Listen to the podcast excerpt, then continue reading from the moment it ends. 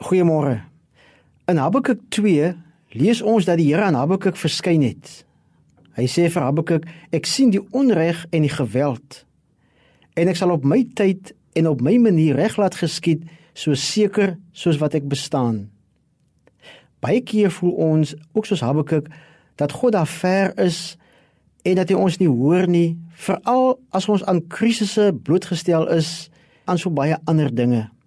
Habakuk leer vir ons dat God fyn luister. Hy luister na elkeen van ons en hy antwoord. God sê vir Habakuk die verdrukker se einde is naby en die regverdige sal lewe. As Habakuk besef dat God ook in beheer van 'n hopelose situasie is en dat hy altyd in beheer sal bly, dan maak hy hierdie onvoorwaardelike geloofsbelijdenis. 'n Belijdenis wat ontstaan binne in 'n noodsituasie.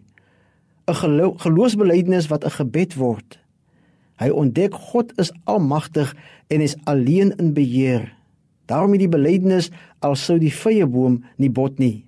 Hierdie wingerdstok en die olyfbome waarvan die profeet praat, was in Kanaan 'n baie belangrike bousteen van die ekonomie. Dit was kos en dit was 'n teken van 'n besondere seën van die Here. As daar dus geen vrugte aan die bome is nie, dan is dit 'n ramp want dan kan niemand eet nie. As die lande kaal is, is daar geen oes nie. As die kampe sonder kleinvee is en die beeskrale sonder beeste, kan niemand eet nie. Daar kan hongersnood kom. Maar sê Habakuk, al sou dit ook gebeur, nogtans sal ek in die Here juig. Dit is geloof. Ons sou die woorde van Habakuk so bietjie kon verander, maar nog steeds dieselfde belydenis kon maak. Al sou die probleme van die lewe ons bedreig, nogtans sal ons in God juig sal ons voortgaan om hom te prys. Dis 'n geloofsbelijdenis wat sê al gaan dit met my baie sleg dat ek honger is, nogtans sal ek in die Here jubel want God sal iemand stuur om my honger te stil. Hy sal vir my sorg. Dit vra dus iets om te kan sê te midde van my omstandighede sal ek voortgaan om God te loof want ek staan op sy belofte dat die regverdige sal lewe. Geloof is dus om God se beloftes op sy beloftes te staan. Daarom sal ek in die Here juig en jubel, want God maak in krisistye nuwe moontlikhede oop. Die nogtans geloof.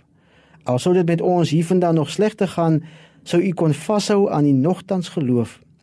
Habakuk bring vir ons hoop uit 'n hopelose situasie. Hy wil vir ons kom sê daar is vir ons groter planne wat God in gedagte het. God sal op sy tyd ingryp en op sy manier. Ook in my eie persoonlike lewe Hy sal op sy tyd ingryp in my situasie en in my krisis. Ek moet maar net aanhou om hom te vertrou en met hom daaroor te kommunikeer. Habakuk wil vir ons kom sê moenie ophou bid nie. God sal op sy tyd ingryp. Amen.